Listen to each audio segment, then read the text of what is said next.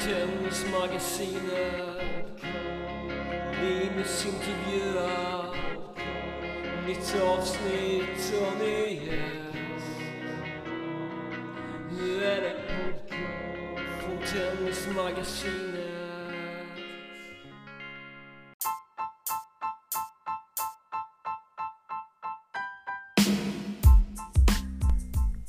Idag träffar vi Magnus Alsterback, en person med många strängar på sin lyra. Han är tenniskommentator på Eurosport, VD på RS, tennisförälder och före detta styrelsemedlem på, K- på KLTK. Förutom sin egen bakgrund som spelare.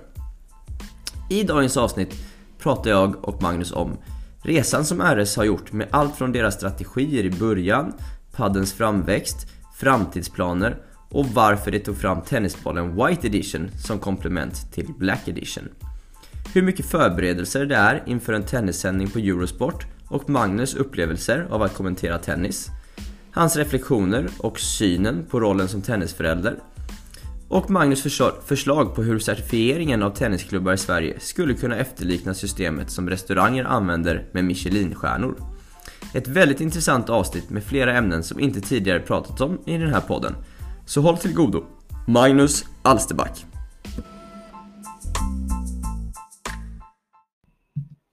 Då är den stora glädjen att hälsa Magnus Alsterback välkommen till podcasten. Tack så hemskt mycket. Eh, Magnus, eh, skulle du kunna börja med att på ungefär en minut berätta hur liksom du kom, vem du är och hur du kom in på tennisen och varför du är där du är idag? Ja, oj. Eh, ja, det började för mig ganska sent faktiskt med tennisen. Jag eh, höll på med, jag är uppvuxen i en idrottsfamilj och eh, idrottade från att jag kunde gå egentligen. Eh, Tennis var, då, eller? Nej, fotboll och hockey var, var mina sporter som Mm. jag var eh, rätt duktig på. Eh, och vi bodde i Dalarna en period i min, i min barndom. Mm. Och jag, man, det gick inte att komma in i tennisklubben där. Nähä. Så jag spelade på skoj med några polare och sen så spelade jag en hel sommar. Och då började en klubb, då var jag 11 år. Så det var rätt sent jag började med tennis. Okej. Eh, och sen så vart det mitt liv egentligen ganska snabbt. Det var bara tennis. Eh, från att jag var 15 slutade jag med fotbollen och hockeyn. Jag var tvungen att välja för att jag, jag körde hårt med alla tre sporterna. Så då Ah. valde jag tennisen och sen så har det varit, varit min huvudgrej i, i hela livet egentligen. Även fast jag har utbildat mig och jobbat i, i det vanliga näringslivet så har jag alltid haft tennisen kvar på sidan om. Okej. Och, och liksom spelat själv då liksom, eller varit eh, arbetsam på något sätt inom det då? Du I, menar, i, ja, men tidigare, för, nu, nu, ja, inom tennisen tänker jag. ja, alltså, jag spelade ju själv tills jag var ehm, 19-20. Okej. Ehm, jag, jag spelade satelliter, det var innan Futures fanns Ja. eh, på den tiden. Men det, men det var innan internet Ja. och det var innan, eh, innan det var enveckastävlingar. Det var en månadstävling då, tre veckor plus, eh, plus master. Satellitsystemet där. Ja. Så att jag åkte runt eh, ett tag på det och tyckte det var rätt surt. Eh, och eh, de flesta av mina polare då, jag var bland de, ja, de bästa i Sverige i min åldersklass. Okej. Så att vi hade ju som, som alla har nu också erbjudanden för att åka, åka till USA och spela på college. Ja. Men jag, eh, då var inte jag riktigt, jag hade ingen sug efter det. Okej. För att jag visste nog för lite om USA. Som jag säger, internet fanns inte. Det fanns liksom ingen kunskap. Det var, det var som att flytta hemifrån och inte höras med sina Ja. polare. Måste vara svårare att scouta college-skolor då också? När inte Ja, det var mycket, jag tror det var mycket på rekommendation från andra svenskar som var äldre tror jag, på den tiden. Vi hade väl gott rykte vi svenskar också. Så att, men Ja, det jag valde att inte åka. Jag, jag, jag hade nämligen flyttat hemifrån. Jag, jag flyttade till Växjö när jag var 16 och jag kom med i Team Mats Welander då. Okej. Med Jonas Björkman och ett gäng till killar och Fidde var tränare för oss och sådär. Så jag hade flyttat hemifrån en gång och, och flyttat hem precis egentligen efter två år. Jag tyckte det var rätt skönt att komma hem igen till Stockholm. Okej. Så att, och då dra iväg till USA. Plus att jag inte riktigt, hade nog inte riktigt det som, som krävdes heller för att, för att orka göra det jobbet. Nej, nej. Eh, och det är nog till stor del tack vare Jonas, ska jag säga, Björkman. I och med att vi le- levde så tätt in på varandra och han var extremt seriös Ja. redan då. Eh, och, och jag var tillräckligt mogen för att förstå att jag kommer nog inte... Jag var, så, jag var bra som junior Ja. och vann mycket och tyckte att det liksom var ganska enkelt. Men sen när jag såg vad som krävdes för att ta seniorsteget och hur, hur han offrade sitt liv Mm. så var jag mogen nog att fatta att jag kommer inte palla det. Okej. Samtidigt som jag också var omogen nog att förstå att så jävla jobbigt är det inte. Om jag, tittar på, om jag tittar på det nu som vuxen, Ja. så vad är det man behöver investera egentligen? Ja, du måste träna och vara seriös varje dag. Ja. Det är på ett sätt ett lyxliv. Så jag hade önskat på ett sätt att jag, att jag förstod Ja. vad jag förstår som vuxen. Ja. Men samtidigt så var det bra att jag inte harvade runt på, på satelliter tills jag var 26-27 år och inte har en utbildning och inte kanske gjorde riktigt 100% jobbet. Så det var, det var ett bra beslut. Okej. Sen fortsatte jag, eh, då, då, då slutade jag med tennis helt, var borta nästan 10 år från det. Ja, nu jobbar du med annat liksom. Ja, jag utbildade mig, jobbade eh, i IT-branschen i nästan 20 år. Mm. Gjorde min karriär där. Det. Men kom in eh, egentligen när jag var ja, strax efter 30 så fick jag tillbaka suget och började spela mycket själv. Ja. Började engagera mig, eh, började träna lite, ge lite lektioner, Mm. men spelade framförallt mycket själv. Jag började spela veterantennis. Mm. Eh, och sen kom jag då in på, eh, på Eurosport efter det. Mm. Eh, när jag var kanske ett, ja, tio år sedan det nu ungefär. Ja, det är så, Så, då var det, var mycket, det var, från, från 2007 igen så blev det nästan bara tennis igen på fritiden utöver, utöver mitt jobb. Då. Vad är det med tennis som är så kul då? Ja, men Eftersom det- du var jag borta och kom det- tillbaka På något till sätt så... eh, Det lå, nu när vi pratar, du och jag som är tenniskillar, och när Ja. vi pratar med alla, alla lyssnare som, som, som, är, som tennismänniskor, så är det lättare att inte låta så förmäten. Men den här sporten är så sjukt speciell. Den är så komplex och så svår. Ja. Och så, samtidigt så häftig. Och man har, gjort, och man har också gjort en tillräckligt lång resa själv, som jag gjorde som junior, förstå vad som krävs och kom en bit på vägen. Och att se två gladiatorer i en Grand Slam, fullsatta läktare. Mm. Och man vet hur svårt det är att, ett, att komma dit ens en gång och sen det de, det de utför är liksom... Och du som lär ut tennis och jag som lär ut tennis vet hur, hur komplext det är. Liksom. Konståkning är svårt. Ja. Men, men den tekniska nivån på tennis samtidigt som den fysiska Ja. nivån och kravet på, på fysen för att kunna spela tennis på hög nivå. Det, är liksom, det finns nästan inga sporter som, som har de, Nej. så den dimension, de dimensionerna av komplexitet. Och det, på något sätt det tycker jag det är så häftigt. Sen tycker jag att det är världens roligaste sport att spela själv. Det, det är bara sjukt kul tycker jag att spela tennis. Ja, ja. Spelar du mycket själv fortfarande också? Ja, jag spelar, eh, jag, jag har spelat jättemycket själv Mm. till. Jag har varit lite halvproblem med rygg och sådär. Men, men, eh, och sen den, den, min kompis som jag spelar mest med, han har varit skadad nu ett halvår. Så sista halvåret har blivit ganska lite. Mm, mm. Eh, och sen har jag velat lära mig spela paddel. Mm. Eh, så jag har lagt en del tid på att- lära mig det. Jag tycker det också är Du superkul. spelar på riktigt då liksom? Eller? Nej, men jag spelar, vi spelar liksom ett par gånger i veckan med kompisar. och Det blir alltid på riktigt när man spelar med grannkompisar. ja, det är klart. Det Så är att, ja, men det är kul också. Kul Ja, ja, just det. Ja, du har ju många järn i elden där, eh, Magnus. Eh, Och en av dem var ju som du sa att du kommenterar på Eurosport. Mm. Hur, hur fick du uppdraget från början? Eh, du, det var en veteran, legend, Håkan Svensson, som under en seriematch i vet- H35-serien Mm. för många år sedan, som sa att han kände någon på Eurosport och de sökte en ny kommentator. Han tyckte att jag borde ringa till honom. Okej. Så då kontaktade vi varandra Ja. och så åkte jag dit bara någon dag senare och så slängde de in mig i ett bås och så var det final i Doha mellan Federer och eh, eh, Davidenko tror jag. Okej. Men Ja. det, det fina i det här var att Roffe Norberg då, som är en av legenderna på Eurosport, han satt och kommenterade matchen i ett bås bredvid mig live och det gick ut i sändning. Och jag satt och kommenterade live fast det gick inte ut i sändning. Som ett test? Så det liksom. var som en, en anställningsintervju och sen skulle de lyssna på den här matchen Ja. efteråt för att ja, göra en bedömning. Okej. Och sen, så det var bananskal och sen så ringde de och sa att de skulle börja. Så då körde jag Australien då direkt. Det var bara ett par veckor senare första gången då. Ja, För ja. 2010 tror jag att det var, så det var 10-11 år sedan. Va- Var det var liksom eh, den första provsändningen där då? Så eh, även om det inte gick ut i sändning, var det svårt?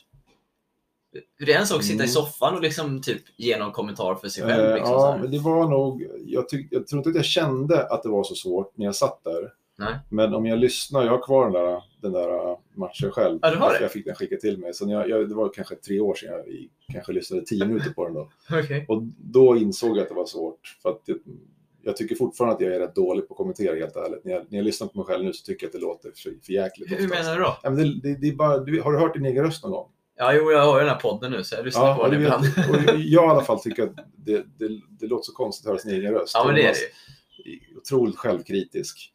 Men då, svar på frågan, ja det kändes inte svårt då, men det känd, jag förstår att det var svårare för att det, det är lite man behöver lite erfarenhet för att veta när man ska prata och inte prata. Och jag tror att jag har förändrat mitt sätt att kommentera mycket genom åren. Jag pratade otroligt mycket tror jag i början och inte förstod hur lite man skulle prata.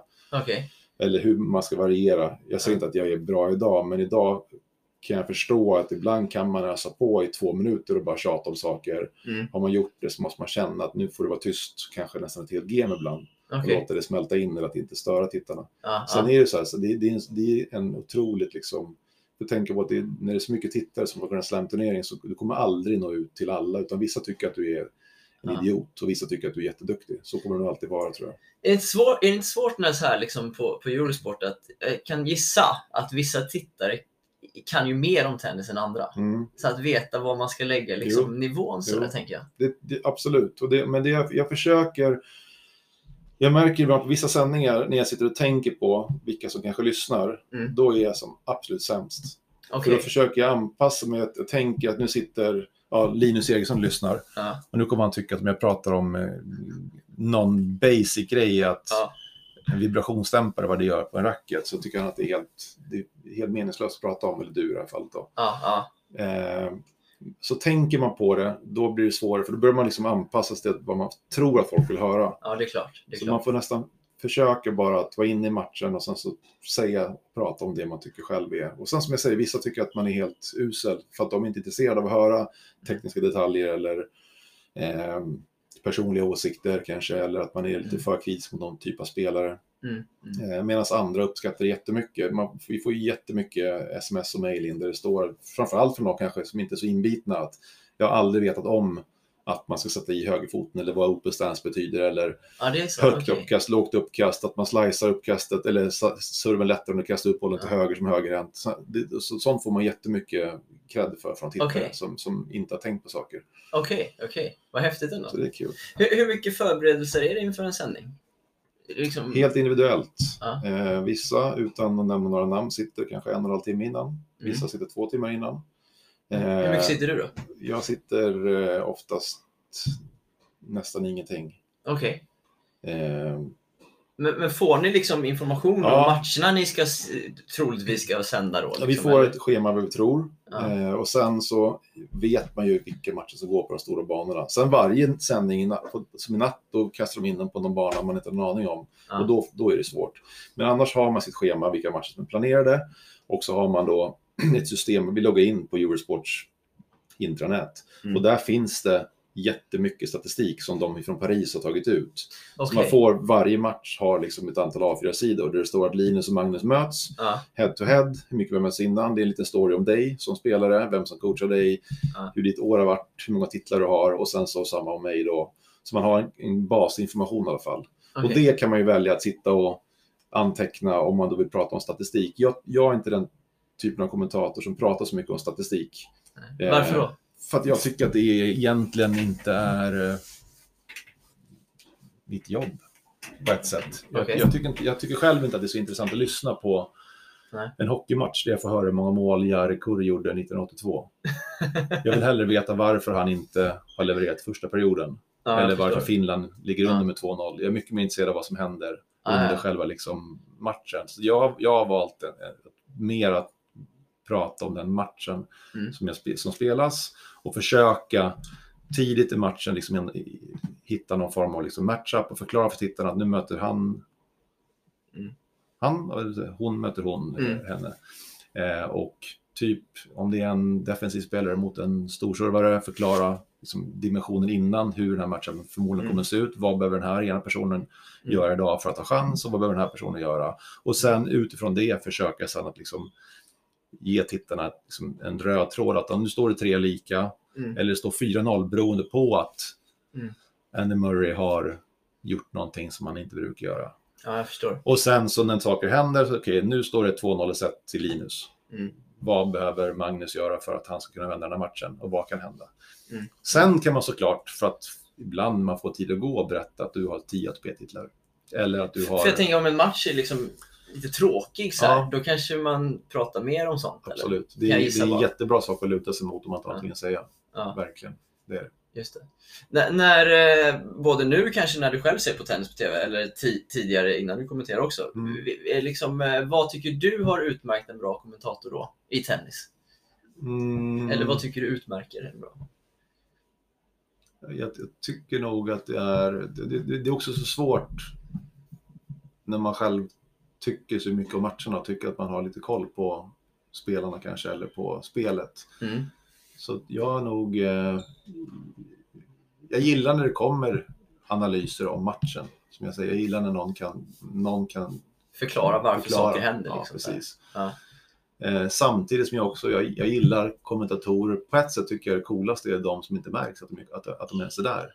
Ja. Det är så, Roffet Norberg tycker jag var en konstnär på att liksom, han var, han var som bra kompis när man satt i soffan. Ja. Men jag vet egentligen inte riktigt vad han sa. För att han, gjorde, han gjorde det så självklart. Alltså det, var, det, var så, det var så liksom, Ja. han lät spelarna ta liksom all form av, liksom, de var på scenen, han var bakom kameran. Och där tror jag att jag har jättemycket att lära, att inte ta plats ifrån de som spelar, utan att försöka kanske vara mer laid back. Och, Mm. men det, det är svårt att, svårt att svara på, tycker jag. Ja. Känner du att du utvecklas liksom när du, när du sitter och, om, efter en tävling? Liksom, känner du att nu lär jag mig någonting den här gången? Eller? Om tennis eller om, om Nej, om, om, jobbet? om, om jobbet. Ja, men tänkte jag kan nog känna att jag kanske ibland eh,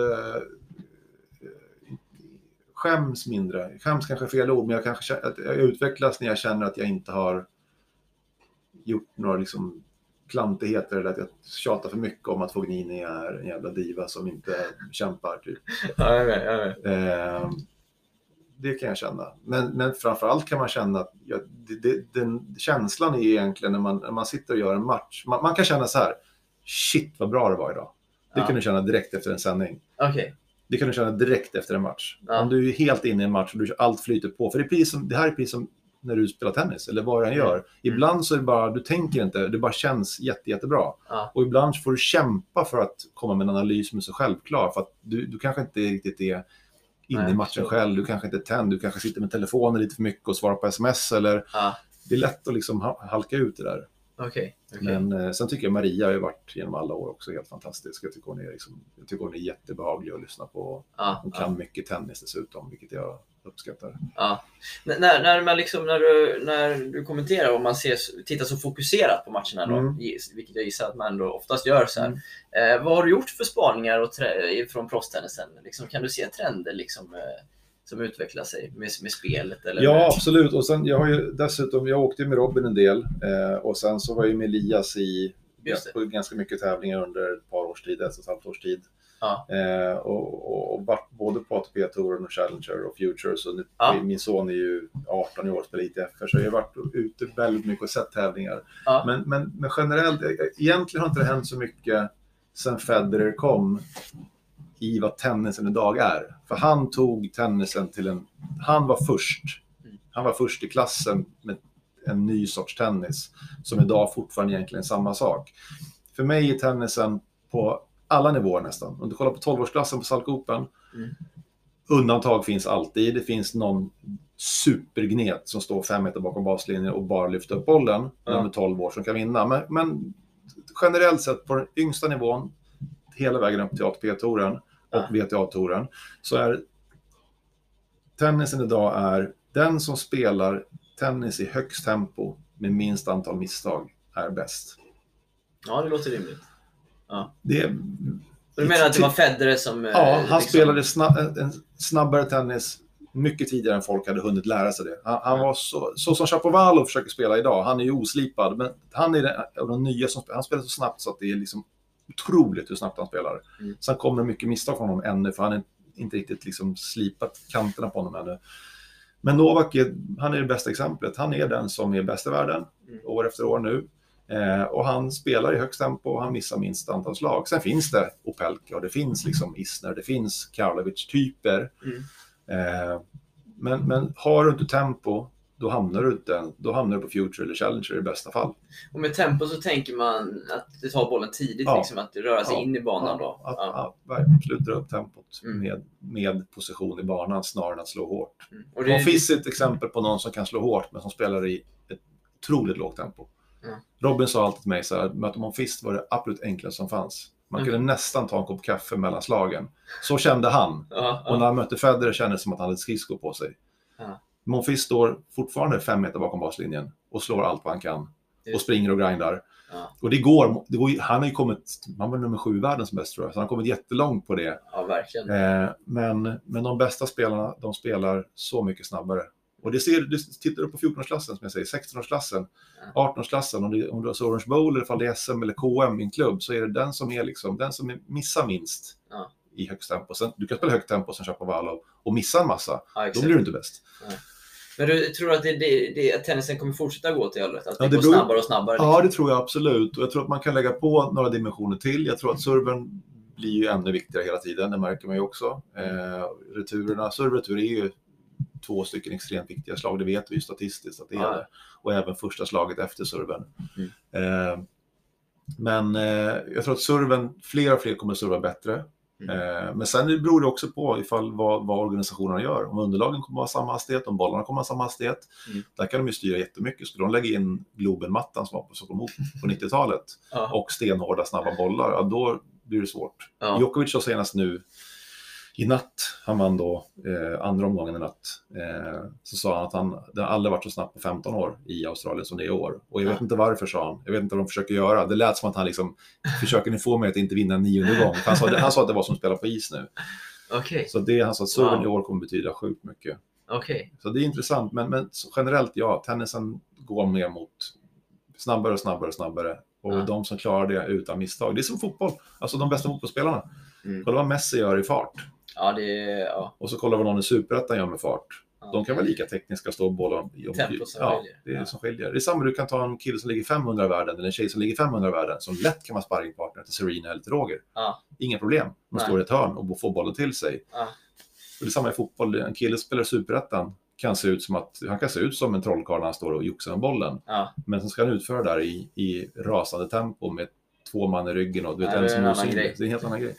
Du, du, du nämnde där i förbifarten innan att, eller att, du, eh, att du reste lite med, med Robin Södling Mm. eh, och eh, med Elias Ymer. Då. Vad, vad bidrog du med till deras tennis? Nej? Robin åkte jag med som kompis. Jag bidrog inte med någonting till hans tennis överhuvudtaget, mer att vi åkte, jag åkte med som kompis. Okej. Eh, och säkert, alltså han ville ju ha de närmaste, förutom sitt, sitt, liksom, sin coach och sin Ja. fysio. För att må bra liksom? Ja, kan man säga. Ja, han tyckte det var nice. Vi hade, vi hade kul.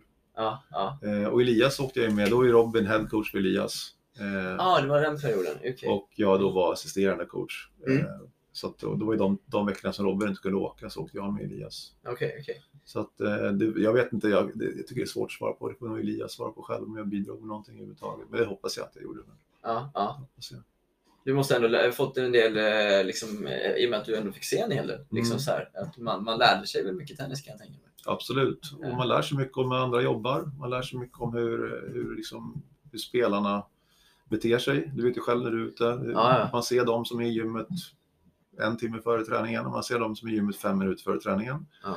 Då ser man de som sitter på gräsmattan eller gymmet och gör sitt jobb efter träning och efter match och de som inte gör det. Ja. Och sen så när man summerar upp det där efter något år eller två och tittar på resultat och ranking så brukar inte det vara så stor differens mellan vad, Mm. man, vad man tror. Utan det är, på den här nivån så är det liksom de som gör jobbet blir bättre helt enkelt.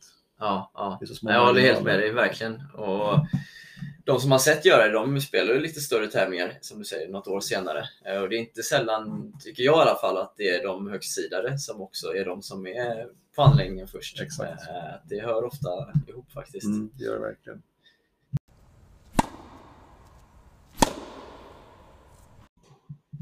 Eh, ihop med just Robin Södling då, så startade du, du och han upp eh, företaget RS. Eh, för, ja, när var det ni startade upp det? Företaget startade 2013. Robin körde igång med ett par andra, ett par andra killar och jag var mitt uppe i, i piken av eh, arbetsbelastning och i min karriär då på mitt tidigare jobb. Eh, så att jag jobbade inte eh, operativt från början. Jag, Okej. hjälpte- jag, jag, jag sa till Robin att jag kan absolut hjälpa till. För mig känns det som att du alltid har varit med. Ja, men det var ju väldigt tidigt. Jag började i januari 2014 så hade det gått några månader. Okej. Eh, och, och Black Edition-bollen som blev det liksom stora genomslaget och den, den lanserades ju i april 2014. Okej. Så att, men, men men för att vara ärlig mot dem som, som ändå var med och, och grundade alltihopa så jag var inte med från dag ett i, i rent juridiskt. Utan Okej. jag, jag, jag var med som rådgivare till Robin Ja. eh, och sen så kom in ganska snabbt efter det och då började jag jobba lite grann Ja. tills det blev mycket att göra och då var vi tvungna att ta beslut, eller jag var tvungen att ta beslut om jag skulle lämna den, den världen jag var innan då, vilket jag gjorde. Okej. Var det ett lätt beslut eller? Ja, på ett sätt var det. Okej. Ekonomiskt var det svårt, men, men, eh, men eh, hjärtligt var det inte så svårt. Nej. Det var en, en rolig utmaning att ta sig an. Ja. Det kä- känns ju, du ska få berätta om det, men, men som att det ändå i början, ja, min uppfattning, så tänkte jag att det var ju mest bollarna i början Mm. och, och lite scener och så vidare. Och sen har det ju växt väldigt mycket. Ehm, hur liksom har den här resan varit eh, från bollarna och scener till liksom att nu är det paddel och allting? Eh, kunde ni se det från början att det skulle bli så stort? Nej, omöjligt. Eh, att intresset för varumärket och hans namn var stort, det upptäckte vi väldigt snabbt. Mm. Eh, vi, eh, det var väl också en av orsakerna att jag kom in för att jag sa till Robin från början att en, en, en produkt, en tennisboll kommer du inte kunna ha ett företag på. Det är liksom, då, då får du sälja väldigt, väldigt, väldigt, väldigt många miljoner rör för att ens ha en eller två anställda. Ja. Utan ska du ha, måste bygga upp ett varumärke så måste du ha ett, ett antal produkter, du måste ha fler produkter. Mm. Så du kan sälja fler, flera typer av varor till samma kund. Just det. Ja. Eh, så att, eh, men däremot så vart det ju, i och med att bollen, när Robin blev Tournament Director för Stockholm Open, ja. så var ett av då önskemålen från oss var att om man tar det jobbet så ska också bollen vara officiell boll. Okej. Vilket var en liten bingolott för oss, så att vi kom in på ATP-touren. För det. det, det tror inte jag, om, om det hette Magnus och Linus-bollen så skulle Ja. det vara svårt att komma in på ATP-touren med en boll. Ja, det Och tror när jag. det hände så var fortfarande Rob, de, de väntade fortfarande på hans comeback i världen. Det var ju 2013-2014 som jag säger. Så det var fortfarande som att folk trodde att han skulle komma tillbaka. Ja. Så när det här släpptes då att bollen skulle bli en ATP-boll, Ja. då hade vi tur att det var en skjuts i början av företaget. Därför att det kom Ja. kanske 200-300 e-mail om dagen från hela världen. Det var allt ifrån hej jag heter Linus, jag vill köpa ett bollrör för jag testar, jag tycker om Robin Söderling. Till att hej jag heter Linus, jag har generalagenturen i Sydafrika för Nike Mm. kan jag också få ta in RS i Sydafrika och sälja det här. Och allt däremellan. Och då kände vi liksom, och så kom det artiklar i Sports Illustrated, Financial Times och Wall Street Journal. Och då märkte vi att okej, det finns ett intresse, nu måste vi göra jobbet. Och det, det hade jag vetat efter sju år hur mycket jobb det var så kanske jag inte hade gjort det. Jag vet inte, men det har varit fruktansvärt mycket jobb. Ja. Nu är det, märker man att det är värt det. det nu är företaget börjar bli ganska stort. Eller vi är fortfarande en liten, en liten firma, men det börjar bli på riktigt i alla fall. Då. Men är det hans namn i första hand som har sålt? Liksom, eller? eller är det att det är Alltså, fantastiskt början- bra produkter? Alltså liksom, från början, från början så- att, att vi ens pratade med kunder runt om i världen, att folk hörde av sig till oss, var att Robin Söderling hade gjort en tennisboll. Så fick vi liksom intresseanmälningar till att det var intressant. Ja. Det skulle inte göra mycket tror jag för världen om inte produkten hade varit bra. Okej. Så kom vi till tennisen så var bollen väldigt, väldigt bra. Det, var liksom, det visste vi att det var en bra tennisboll. Vi vet idag att vi har en av världens bästa tennisbollar. Utan att vi är världens smartaste människor så vet vi att vi har det. Därför att vi köper en filt som är 70% i nyzeeländsk fårull som är den dyraste filten att få tag på. Och vi har ett gummi som är svindyrt och vi har ett lim som är svindyrt. Så vi vet att vi gör en boll av väldigt, väldigt fina komponenter. Hur kan den fortfarande hålla samma pris som de andra? Ja, därför att eh, vi tjänar inga pengar på tennisbollar kan jag säga. Jo, någonting måste ni lite tjäna. raljerande. Vi tjänar lite pengar på tennisbollar. Hur mycket tjänar man på ett rör? Nej, väldigt lite. Det är jättelåga marginaler. Okej. Men eh, tittar vi på Sverige så har vi då jobbat de första fyra åren utan mellanhänder. Det är en av orsakerna att kunna hålla samma pris och ha en hyfsad lönsamhet. Eh, tar du ett annat varumärke så de som säljer det i Sverige, det är en distributör som köper in det från själva märket. Ifall det är Wilson eller Head eller Babolat eller vad det nu är för någonting så är det fortfarande en distributör som köper in. Så de har redan lagt på en marginal där. Ja. Den slapp vi. Så när vi, när vi kom, vi började med att sälja in där i Sverige, Ja. det, det vill ha arbetstiden, eh, så hade vi väldigt, väldigt bra pris på bollen, därför att vi hade inga mellanhänder. Mm. Och så hade vi en boll som folk gillade och Robin hade ett namn i Sverige. Mm. Mm. Sen lägger man till att folk tycker att det var en schysst design, eh, Mm. snyggt rör, loggan är uppskattad. Eh, och sen har vi byggt på, men det har varit, Robin har varit noggrann från början med att jag vill inte bara sätta mitt namn på saker och försöka sälja, utan han vill verkligen vara involverad i processen. Så han är den som gör utvecklingen av våra grejer. Bollarna, Mm. racketsträngarna, grepplindorna för tennis, allting där, allting det har han gjort. Ja, ja. Sen när vi får in padden eh, så är det lite annorlunda. Det är, det är mer varumärke, mer liksom, det är mycket mer branding i paddel än vad det är liksom att det måste vara 70 i Nya Zeelands svårrullbollen. Mm. Det, är inte samma, det är inte samma höga teknologiska nivå som det är på tennisracketar och tennisbollar. Och, För, för jag tänkte fråga dig, i början så, så när RS kom fram då, så, Mm. så var det mycket prat om att Robin hade tagit fram en boll som han själv gillade, Mm. och scener som han själv gillade. Mm. Liksom. Och jag har varit tennisspelare, Mm. eller tennisproffs bland bästa i världen. Eh, Det har ju inte varit padden tänker jag. Nej, och det var, det var, en av, det var en av orsakerna att vi kom in i paddeln så sent som vi ändå gjorde. Vi, vi började med paddel för ett och ett halvt år sedan, eller vi lanserade för ett och ett halvt år sedan. Ja. Men, men då blev egentligen, det, det här var den stora egentligen frågan. Vår varumärkesstory bygger på att Ja, Robin är exakt. den som gör grejerna. Ja. Robin är ingen paddelstjärna. Det var ett av de absolut stora frågetecknen vi hade, Ja. som vi till slut hittade en lösning på. Det var en natt, mitt i natten i halv fyra, fyra när man vaknar och är stressad, som polletten trillade ner. Och vad var det då? Det var att, min fråga var så, vem är bäst i Sverige i paddel? Och då var det Simon Vaske som var rankad etta Ja. i Sverige. Så då kontaktade vi honom och sa, hej, du, kan, du vet hur en paddelboll ska kännas, du, du är bäst i Sverige i paddel. Ja. Robin vet hur bollproduktion går till efter Ja. fem, sex år av bollproduktion. Vill du ha ett avtal med oss där vi betalar dig för att du tar fram en paddelboll tillsammans med Robin? Okej. jag Och då sa. Simon ja, och så genom Simon då, han spelar ju med Cayetano Rocafort, en spansk stjärna som bor i Sverige. Okej. Så lärde du känna Kaje. Och så, samma sak till Kaje, du som, han var ju 60-70 i världen redan han var 20 år gammal. Han är jätteduktig på padel den killen. Alltså, han, är, han har spelat på, på, på proffstouren. Så frågade vi honom om han kunde tänka sig att hjälpa oss att ett, göra en egen racket som han själv spelar med och Mm. hjälpa oss att ta fram en serieracket där. Och han sa också ja till det.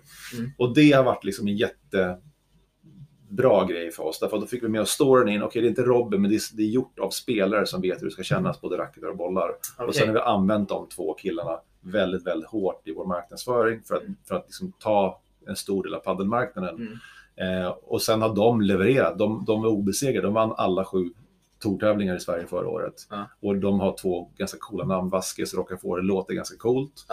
Eh, och de syns mycket i paddel, alltså i paddelvärlden. Alltså Ja. paddel-Sveriges, liksom den lilla, Mm. den, den stora ankdammen som det är nu då. Men alla paddelsajter och alla nyhetssajter för paddel så är de, de, är- de är stjärnor där. ja, ja. Så det har hjälpt oss jättemycket såklart att vi har de, de namnen. Och hur stor liksom andel har, är, är paddel hos er nu? Alltså det var ju, 2019 var det ingenting. Och 2020 så blev det, Allt. nej, men det blev i alla fall, eh, jag skulle tippa på att det blev kanske 65 procent av bolaget. Ja, det är så mycket ändå. Ja. 65 Ska procent. det. Okej. Också beroende på att tennisen 2020 fick, fick mycket stryk i och med corona. Vi säljer ju tennisbollar i över 50 länder. Mm. Eh, och de länderna, vi säljer ju containervis med bollar till alla de här länderna. Ja. Och man märker att liksom Spanien, eh, England, Polen, Indien, Sydafrika, Australien bara totalt slutar beställa bollar av oss. Ja, det, då för det var, beror det på någonting. Ja, men det var lockdown överallt så spelades det ingen tennis och det behövdes inga tennisbollar. Så Ja. det vart ju snabbt utför när det kom till tennisbollsbeställningar för oss. Då. Ja, Sverige förstår. fortsatte ju tack och lov med, med tennisen och. Ja. Jag, jag förstår ju hur, man, hur ni liksom slog er in i, på en marknad i Sverige. Så. Mm. Men jag tänker att eh, just tennisbollar och så, det är ju, det är ju ganska, ett, en del märken som är redan är ganska etablerade. Mm. Liksom. Hur, hur gjorde man utomlands när ni skulle liksom, eh, slå er in? egentligen samma sak. Att vi, vår, vår strategi har varit, i och med att vi har tyckt att bollen och trott att bo- att bollen och fått höra från så många kunder och spelare att bollen är bra. Eh, så har vi haft en väldigt, väldigt enkel strategi i alla länder. Och det är att försöka på billigast möjliga sätt försöka få så många som möjligt att testa bollen. Okej. Och billigast är att ge bort någonting gratis. Eller dyrast för oss är att ge bort någonting gratis. Ja. Men det enklaste är att ge bort ett bollrör till varenda spelare i en hall en hel dag i Warszawa. Alla som kommer till, paddel, till tennishallen i Warszawa en hel dag får bollrör att spela med. Okej. Om Jag man, nu tror, om man nu tror på att produkten är så där bra som vi tycker Ja. att den är. Och sen vet man att den finns till försäljning i den tennishallen i Warszawa. Om vi hittar på ett exempel nu. Ja, ja, Då kostar det lite pengar den dagen, ge bort en massa bollar och restid och hotell för Robin och så vidare. Men om vi är säkra på att vi mäter ju hur många procent som fort som, som Mm. ett säger att bollen är topp tre någonsin och många säger att den är sämst någonsin. Och då ser man ganska snabbt att okej, här finns det ett läge. Här, så här många, 70% tyckte att bollen var grym. Mm. Den säljs i shoppen. Den ligger på ungefär samma pris som de bollarna som säljs mest i den här shoppen. Mm. Då vet man att det är ett ganska bra case. Och sen mäter man efter ett kvartal eller två kvartal. Okej, vad blev utfallet i den här shoppen? Mm. Och då får man en känsla för, okej, i det här landet funkar det på det här sättet, då fortsätter vi så. Och sen är det väldigt, väldigt mycket upp till vilken distributör det är. Okej. Har du en trött firma som inte orkar knacka dörr eller ringa kunder varje dag så säljer du ganska lite. Och har du en, en hungrig eh, kille eller tjej eller en firma som är liksom, de, lever för att ut och träffa kunder och bara Ja. promota, då säljer du ganska mycket. Okej, okej. Hur, hur, eh, hur liksom mycket har ni tänkt eller jobbat med att kontraktera spelare och så vidare? Eh, lite för lite på tennisen, å ena sidan. Eh, vi, våra racketsträngar är, ju, ty, tycker vi, väldigt, väldigt bra. Mm. Vi har bara tre modeller, tre olika varianter som är Mm. bra. Eh, men vi har, nu signade vi Sun Woo-Kwon, Ja. Koreas etta, som spelar Australian Open nu. Eh, vi har haft honom på damtouren, vi har mycket juniorer spelar med våra, med våra scenor och sen så valde vi att satsa väldigt mycket på collegemarknaden. Okej. Så vi har väl kanske 50, mellan 50 och 60 universitet som spelar med våra scener. Jaha, Och det är ju väldigt bra. All right. De köper mycket scenor. Det är, det är, vad är det, 10-12 killar, 10-12 tjejer Ja, det förstår jag. Det är mycket då. Ja, Och coachen köper in scenor till laget. Så får man bara ett, ett sånt universitet att, att använda bara våra grejer, då, då blir det mycket rullar. Så Ja. där la vi mycket krut. Jag och Robin i två års, drygt två års tid var vi nästan halvtid i USA och åkte runt på universitet och Aha. höll föreläsningar för att ja, träffa kunderna och sen då gav, gav vi ut set scenor till alla spelare och till coachen Ja. och lät dem testa och sen fick coachen ett, ett pris på det här som var, vi, vi kollade av innan vad de betalar ungefär för motsvarande scener idag. Ja, Så ja, la vi oss en bit under ja, ja. eh, och sen började det rulla, rulla, rulla in. Är det inte jobbigt så här när ett märke liksom, det heter RS Robin Södling så att det är ändå så starkt förknippat med honom? Mm, För då tänker jag att när du säger att ni var runt i USA, mm, då tänker jag att det måste nästan vara Robin som håller de där Mm. föredragen. absolut. Eller? Mm, helt rätt. Ja, det blir en ganska tung belastning på honom, Ja, det blir det absolut. Även om du jobbar mycket så förstår du vad jag menar. Ja, men jag håller med. Jag håller med. Och det, det är också en, en sak som vi pratar ofta om. Eh, hur den lång, långsiktiga strategin är för bolaget och den kortsiktiga strategin är. Ja. Och den långsiktiga strategin är ju såklart att vi hoppas att om 20 år så ska folk bara se RS. Ja, just det. Eh, och i, men nästa månad spelar det ingen roll ifall folk fortfarande säger Söderlingbollen. Nej. Om han nu är superhet just nu igen efter sommarpratet och allt vad det är för någonting. Ja, Men absolut, så det, och, och tennisen kommer nog förmodligen alltid vara förknippat mer med honom, Mm. hans namn. Även om vi försöker bli mer RS även där. okej. Och padden är det redan nu så är det RS. väldigt, väldigt få som, som pratar om Söderling på det sättet. Tennismänniskorna som spelar paddel, de pratar om det. Ja, Men åker vi till, till eh, Gävle och Ja. träffar, eh, en, står där en lördag och pratar med, med paddelspelare, ja, då är, det, då är det RS de har sett. okej. Det har vi har till och med fått, vi har till och med fått mejl där så hej jag vill beställa den här Pirelli-racketen. För Charlotte Pirelli la ut en, en racket på Är det Instagram. sant? Så att, vi blir, blir, blir lite glada i och med att Ja. det, det går i linje med det du säger att vi ska gå mer mot, mer det. mot RS och mindre mot Söderling.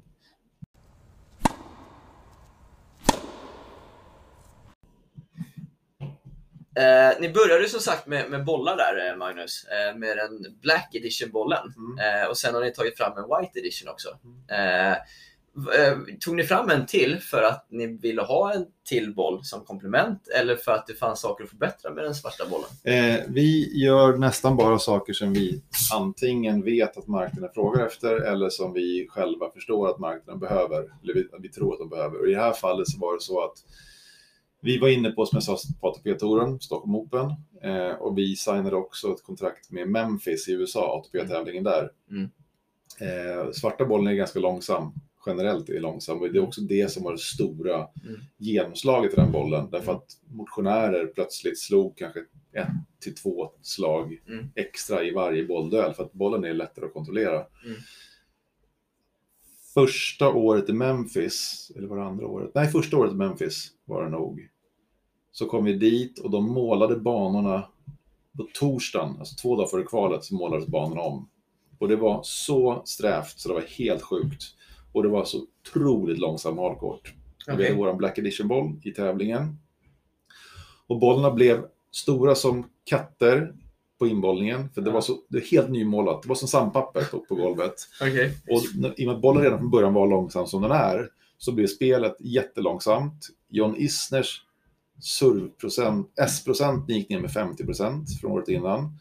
Rallysarna gick upp med, jag kommer inte ihåg hur många procent det var, men vi fick ju rapporter från organisationen och vi såg att det var, det var ruskigt långsamt spel.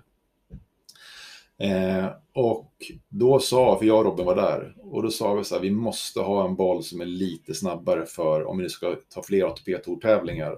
Mm. Eh, för att även om spelarna känner och ser att det är ett strävt underlag så kommer det vara fortfarande bollen som de går på om de ska klaga på någonting. Ja. Sen var det så att i, en spelare satt och sa på presskonferensen att han kommer aldrig mer spela en tävling med den här bollen. Okej. Steve Johnson.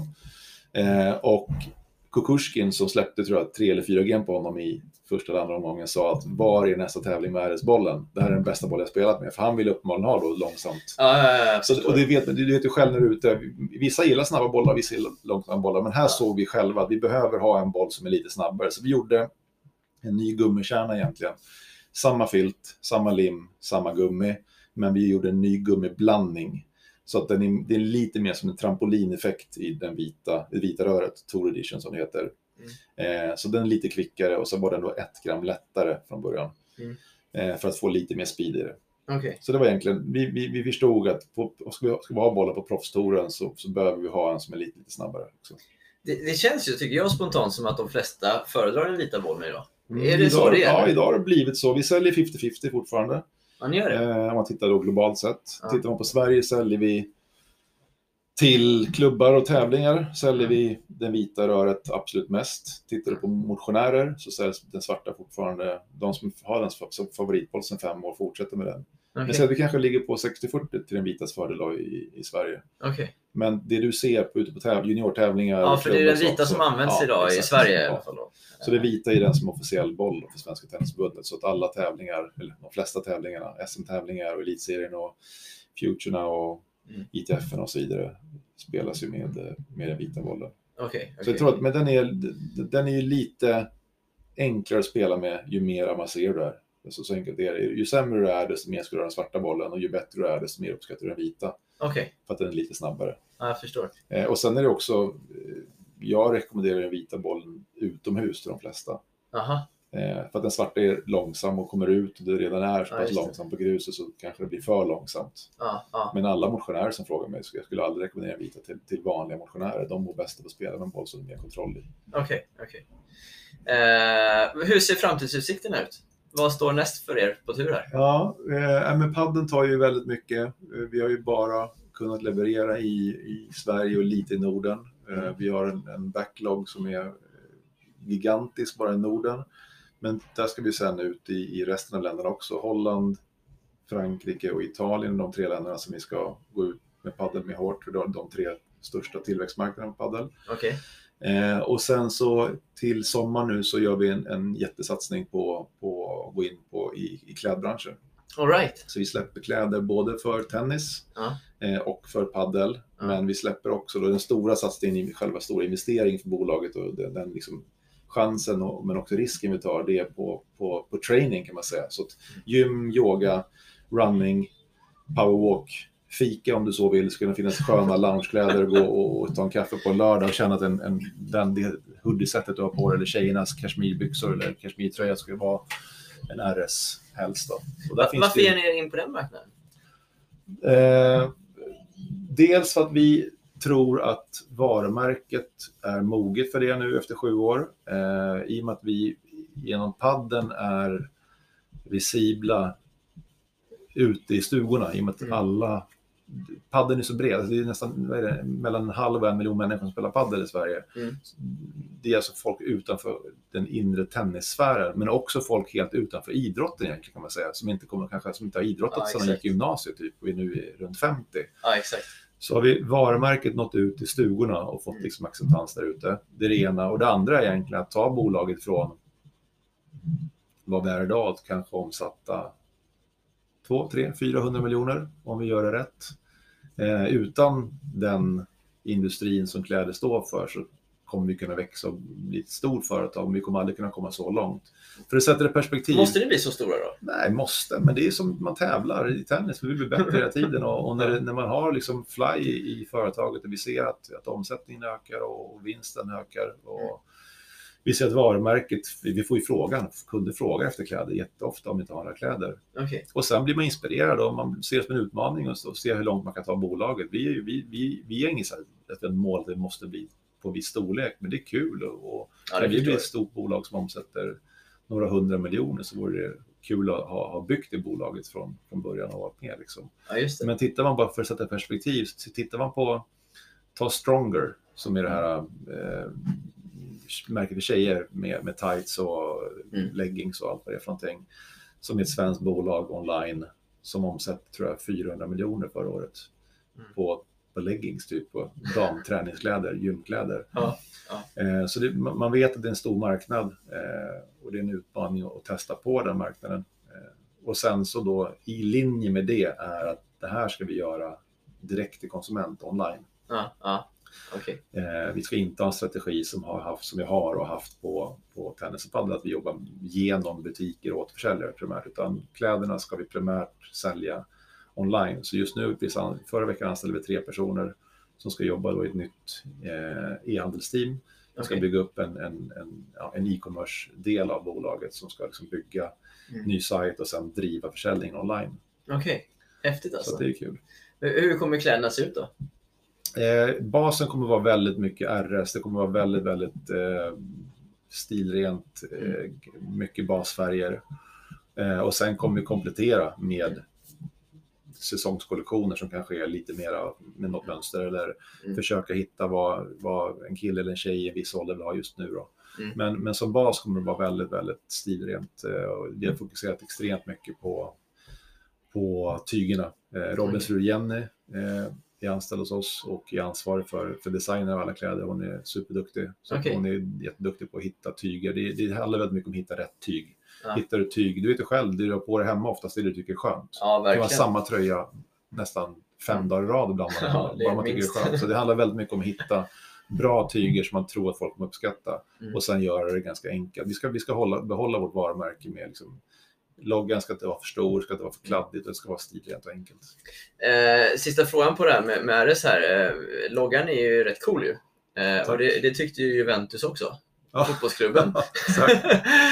Hur eh, liksom, eh, kontaktade ni dem eller hur, hur gick gjorde den faktiskt. vevan? Ja, det gjorde vi faktiskt. Det var en helt sjuk story. För jag, jag eh, körde Robbys Twitter och, och la ut bara på skoj. När den släppte sin logga så la jag ut Ja. en bild på den loggan bredvid vår logga. För de ändrade sin logga och den var ju otroligt eh, lik Ja, den påminner logga. om den, så jag la ut den från Robbys konto och skrev 2013 under våren och 2017 under Juventus. Ja. Och sen tog det fart. Och sen på kvällen var han nerringd och eh, han blev typ mordhotad av Juventus-fans. Är det sant? Eh, Okej. Och eh, det var på nyhetssändningar i både. USA och Europa den kvällen att Robin Söderning var ute hade sagt det här. Det stod i tidningar i Sverige. Och vi ringde vår advokat och sa, vad gör vi? Liksom, så här, för vi, vad ska vi göra? Ja. Men, vänta, lite, jag, jag känner, jag känner eh, chefsjuristen i Serie A, så jag, jag, ska kolla, jag ska kolla av det här, han bara. Okej. Och dagen efter så fick vi ett mejl från chefsjuristen på Serie A som sa, hade skickat ett mejl till chefsjuristen i Juventusklubben. Det var på ett Ja. dygn. Okej. Och mitt enda mål med det här, det var ju att få en vända till med liksom att vår logga skulle synas i nyhetssändningar över hela Så ni brydde er egentligen nej, inte ingenting, nej. ingenting. Så det var bara för att få bara för att ja, marknadsföring. Ja, ja, och det fick ni då? och det slutade med att de, vi, vi sa att vi vill inte ha något tjafs, inte de heller. Eh, men han kontaktade oss, vi har ett Juventus-museum Ja. här nere med en permanent del och med en tillfällig del där de har så här gästspel och grejer. Ja. Och vi vill erbjuda er en plats i den permanenta delen, en egen monter, tar dit Robins då, andra priset från Paris. Okej. Eh, och Robin skulle komma ner till, eh, till, till Turin och gå in på i mittcirkeln innan en match och välkomnas av publiken. Och han skulle säga då att jag har hejat på Juventus sen Zlatan eh, började spela här och jag tycker det är en fantastisk klubb. Och de skulle säga att RS Robin är liksom ett fantastiskt varumärke utan att säga att loggen är lika. Så Okej. vi, vi bokade datum, september 2017 för att åka ner dit. Ja. Och sen några veckor innan så vart det, som, i och med att vi fortfarande känns ju fortfarande som att vi är en startup, men, Mm. vilket vi inte är, men det känns så. Vi jobbar ju dygnet runt. Ja. Då kom det saker emellan som just vi tyckte att det här det är mycket viktigt att vi tar tag i det. Var något, jag tror att det var någon tävling i USA eller det var någon konkret Okej. tennisgrej eller om det var den här universitetsresan. Eh, och då mejlade vi och frågade, kan vi skjuta upp det här och ta det i oktober istället? Ja, inget problem, ni är välkomna när. När ni vill. Ja. Och sen är det här runt i sanden. Det är en sann Men, det, story. men vadå, det hade ju varit coolt. Det, Ja, hade det varit- det är fortfarande- inte bara coolt, det hade varit bra ju. Ja, jag borde ringa och- eller mejla dem imorgon och boka en ny tid. Men det, det har runnit ut i sanden. Okej. Eh, och kanske nyhetens behag om det här är borta. Jag vet inte. Men Men, men Juventus var medvetna om att den var lika då eller? De Ja. hade bara inte koll på er, eller? Nej, de var lite, vilka vi var hade de ingen aning om såklart. Nej, men de såg ju att de var... Logorna var obviously, lika. I, jag tror det stod så här, I can agree but och så var det en förklaring att ja, någonting annat. Ja, är lite roligt i alla fall. Mm, det är kul. Eh, Magnus, vi ska byta spår lite här. Mm. Eh, du har ju en eh, son eh, som spelar tennis, William, Mm. eh, som fyller 18 i år va? Precis. Yes, eh, som, som är ja, men uppe i Sverigeliten får man ändå säga. Mm. Hur har du approachat rollen som tennisförälder under åren? Eh, väldigt mycket bra och väldigt mycket dåligt tror jag. Eh, man har gjort många misstag säkert på vägen. Eh, men jag har nog tycker jag, alltså, om, jag, om jag skulle prata med dig och honom tillsammans, eller om han skulle prata, så tror jag att, att slutklämmen är rätt bra ändå. Eh, av olika orsaker. Men, men det, är, det, är, det är svårt, det är svårt ena sidan att vara idrottsförälder, bara Mm. generellt tror jag. Pratar med kompisar som inte kommer från sporten som deras barn håller på med så märker man att man, många blir väldigt, väldigt engagerade och känslomässiga och involverade. Jag tror att ännu svårare tycker jag har varit att man själv är tennistränare, att man själv Mm. är i tennisen och han vill att man ska spela med honom. Sen han var liten har han frågat mig nästan varje dag om vi kan spela tennis. Mm. Och han vill träna och han vill lära sig. Eh, och det är, det är säger, du, säger man till sin eget barn och plocka undan tallriken efter sig så säger man det på ett annat sätt än till hans kompis.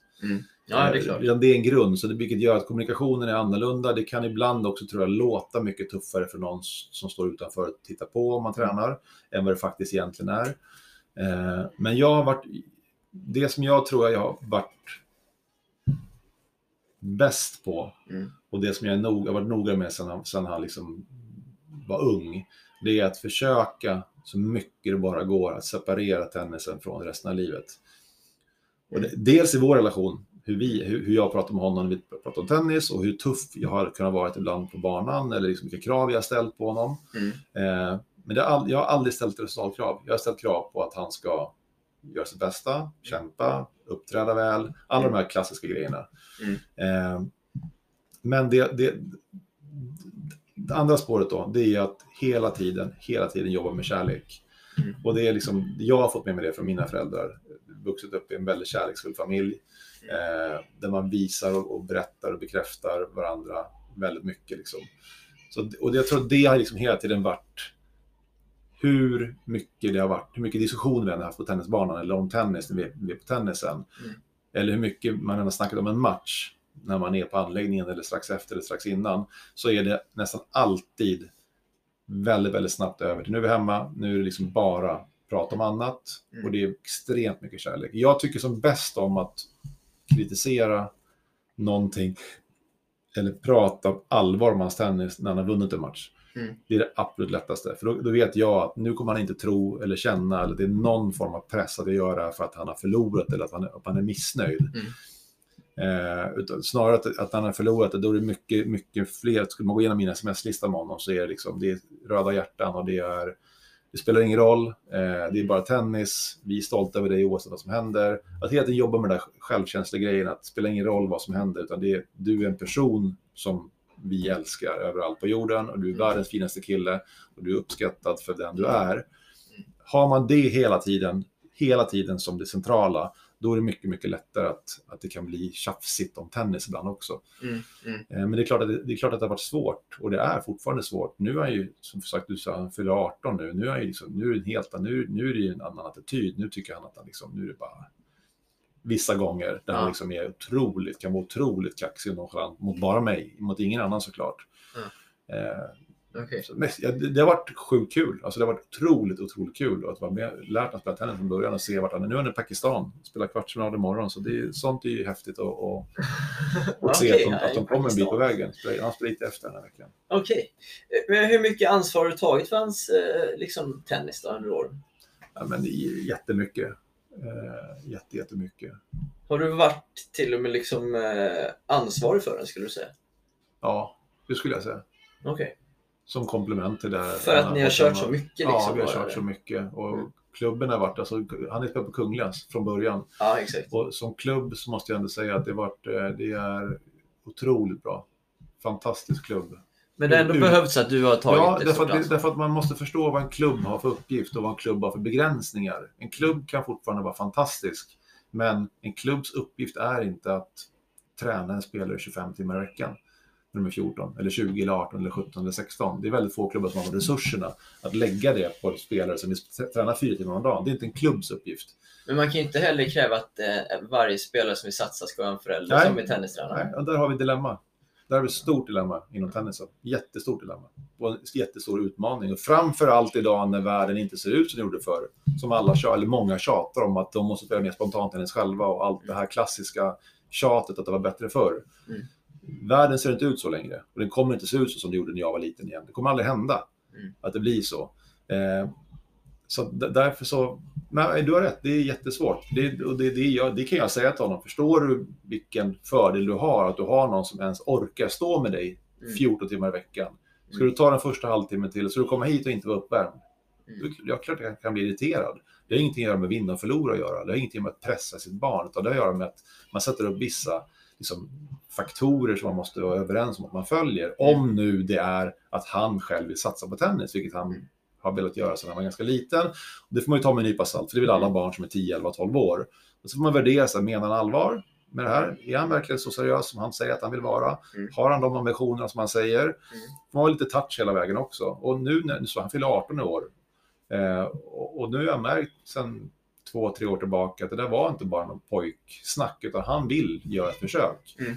Mm. Sen för mig, det är helt ointressant. Mitt enda intresse, om han nu satsar på tennis, det är Mm. att han ska få chansen att maximera sin potential. Mm. Om den är att aldrig ta något P-poäng, eller ifall det är att ligga 50 i världen eller 400 i världen, det, det är för mig fullständigt ointressant. Mm. För det kan ingen styra över. Mm. Men jag kan fortfarande hjälpa honom att lotsa honom på vägen. Dels på banan kan jag hjälpa honom. Mm. Eh, Robin hjälper honom ett par dagar i veckan, vilket har varit fantastiskt för honom såklart. Eh, killarna på Kungliga, Mange och Rickard i gänget, har gjort Mm. hur mycket som helst för William och verkligen hjälpt honom så mycket som det går, Mm. tycker jag. Eh, men man kan ställa ett antal krav, tycker jag, ändå. Vi betalar en massa pengar i familjen för att han ska göra det här. Mm. Eh, hans mamma betalar, jag betalar. Eh, komma i tid, vara uppvärmd, fyllt på vattenflaskan, ha med sig en handduk, alltså så här, stretcha efter träningen. Mm. Mm. Gör ditt bästa när du tränar. Sen ibland kommer alla, alla kommer aldrig vara perfekt såklart. Liksom. Men ser man att det finns en röd tråd, gör fysen ordentligt. Mm. Vilket han, det är kanske det han tycker jag visat mest av de här åren. Han jobbar med Ali, eh, Robin som är fystränare sedan, sedan fyra år tillbaka. Mm. Och skett en jätte, jätteutveckling på, på det Ja. fysiska. Ja, Och där ja. ser man vad träning kan göra. En metodisk och noggrann träning som följer en plan. En, en kille som var ganska gänglig, nästan kobent och långsam som bara den. Ja. Till att då ha fysvärden som är jätte, jättebra. Och det är för att han har tränat. Ja, det är häftigt. Så att det är, ja, men det är, liksom, det, är, det är tufft. Tennisen är tuff att satsa på om du inte har någon som är beredd att lägga ner tiden. Och det, är- Ja. det, du, du, ser- kolla runt när du åker runt. Hur många, hur många är det som antingen som blir upptagna i ett förbund i Frankrike eller England någonstans tidigt. Ja, Eller så har du föräldrar som lägger ner sitt liv på det. ja, Det, är ja. inte, det är inte så jättemycket mittemellan. Det finns ett antal akademier i världen såklart där du kan hamna. Men ja just eh, det. där Just du det. bor på Moratoglu eller vad det nu kan vara. Eller på Alteris eller Elite. Ja. Men det du, det du säger är att det, det behövs någon som liksom, eh, gör resan ihop med att spelaren. Liksom. Ja, de måste ju ha, de måste ha ett ledarskap. De måste ju ha någon, så, jag säger inte att det måste vara en pappa eller en mamma, men det måste ju finnas någon som, Är det en fördel att det är en pappa tror du? nej, det tror jag inte. Okej. Det tror jag inte. Jag tror att det vore mycket bättre om, om, om man hade haft flera hundra miljoner och anställt en, en tränare som, som var beredd att lägga ner den tiden och den energin. Ja. Och att man bara kunde vara pappa istället. Det varit mycket, mycket skönare på många sätt. Bara Ja. sitta på läktaren och titta på. Ja, just det. Men, men jag tänker så här att eh, även om man liksom, eh, han har varit intresserad och du säger att man, man verkligen ser att han vill göra den här satsningen och så vidare. Eh, så tänker jag att i och med att du har en tennisbakgrund Mm. Så kan det ibland vara svårt att veta hur mycket han har uppfattat att det ändå har varit. Liksom att pappa vill ändå att jag ska träna idag. Mm, eller så här. Har du reflekterat någonting över det? Ja, jag, det har vi ju snackat om, snackar med mina kompisar om och med andra Ja. föräldrar om hela tiden. Och det är som så, man får lite touch och vara vaken, man kan ställa lite frågor, man kan... Det är ganska lätt att få fram de där svaren. Ja. Om du lägger en iPad i soffan och så sätter du på hans favoritfilm eller hennes favoritspel eller vad det kan vara för någonting. Mm. Och säger, så säger du ingenting. Och gör det tio dagar i rad och du märker att personen frågar inte efter att åka och träna tennis. Mm. Då, då ser du ganska snabbt att kanske inte är huvudintresset. Nej. Och märker du varje dag att tjejen eller killen själv vill åka och spela tennis Ja. så blir det lättare att uppfatta att det finns ett intresse. Men sen vad det är, du har helt rätt i det också, det är helt omöjligt när de är 10, 11, 12 om de gör det för att de vill göra pappa eller mamma glad. Barn kan ju fråga varje dag, jag vill spela tennis, för de tror att de Ja. föräldrarna vill höra det också. De, de kanske vill, men det är Kanske svårt vill, att veta. det är så här, svårt att veta. Eh, Men återigen, det, det måste komma från dem någonstans. Du kan, du, kan, du kan drilla en unge en bit upp till de kanske är, jag vet inte, 14 kanske.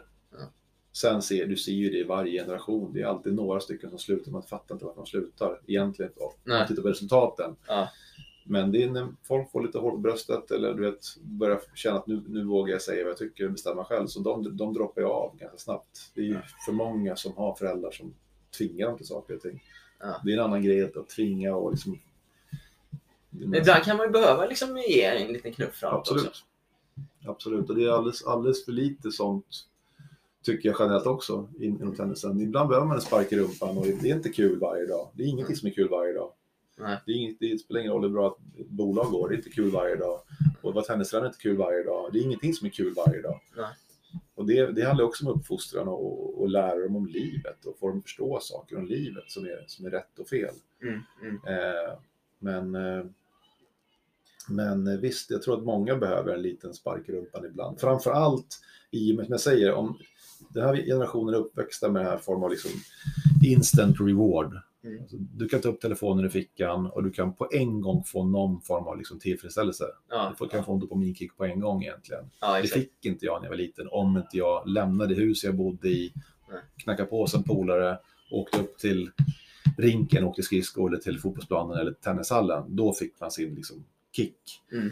Den kan man få direkt i fickan idag. Och det, måste man, det här måste ledarna, alla ledare förstå i alla idrotter och i- vi vuxna måste förstå det. Så här, så här är de uppvuxna. Det går inte att tjata om att det ska vara som förr. Nej. Det finns för många gnällspikar som säger att det borde vara som förr, att barnen är för lata eller barnen är för bortskämda. Ja, till visst, till mångt och mycket. Men det handlar om att göra miljön attraktiv. Mm. Vilken miljö den är, där de känner att de får, för de, de har ett alternativ om den här, till, alltså den här omedelbara tillfredsställelsen i sin telefon. Mm. Eh, och det, det, det, det kan man ju däremot liksom se att ibland kanske de tycker tennis är superkul, men de sitter så fast i sin iPad eller sin telefon så de kan inte ens tänka på det. För här, just här och nu så är det så sjukt kul det de Mm. just nu gör. Mm, mm. Ja, det är en annan, eh, en annan generation. Mm, jo, det är helt, helt klart en generation. Men det är som så här, H&M, klädbolaget H&M, skulle de säga så här, förr i tiden så handlade alla i butiker. Ja. ja. Men nu köper folk kläder online mest.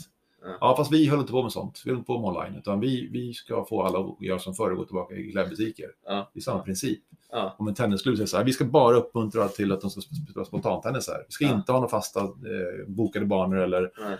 de måste, ungarna måste lära sig hur det var förr. Det är precis samma princip med att säga att man möter inte kunden Nej. på den arena som kunden vill vara på. Eller som mobi- mobiltelefoner, att det gäller att hänga med i utvecklingen. Ja. Det ja. Sen kan man begränsa, det, det tycker jag vi föräldrar, jag har gått bort med fullständigt där, att begränsa tiden Mm. man använder en telefon. Skärmtid och inte skärmtid. Jag har Mm. trott att det går så men du lägg bort telefonen, det är inget bra för dig att sitta med telefonen en kvart före match. Mm. Men det förstår inte de. Hur fan ska de förstå det? De sa, det bara gubbe som pratar. Han, alltså, men, så där kan man nog, tror jag, det, det tror jag många föräldrar är bra på, att man har vissa dagar kanske där det bara är en timmes skär- skärmtid, eller vissa dagar där det är helt skärmfritt. Eh, Så där tror jag man kan göra mycket. Okej.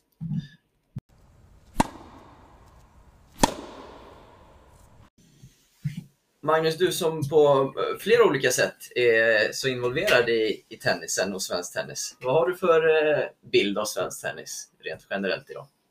Ja, alltså, det beror på vad man pratar om. Eh, om man pratar om eh, bredd eller elit eller motion eller vad man nu pratar om. Men, men oftast när vi pratar om hur ser svensk tennis ut är frågan så här, varför finns det inga fler världsstjärnor? Ja, men lite så jag Typ tänkte. så. Ja, hur är Eh, elittennisen? ja, men sidan, vi, har ju, vi har ju såklart det skralt jämfört med vår historia. Det är Mm. ingenting att, att hymla med.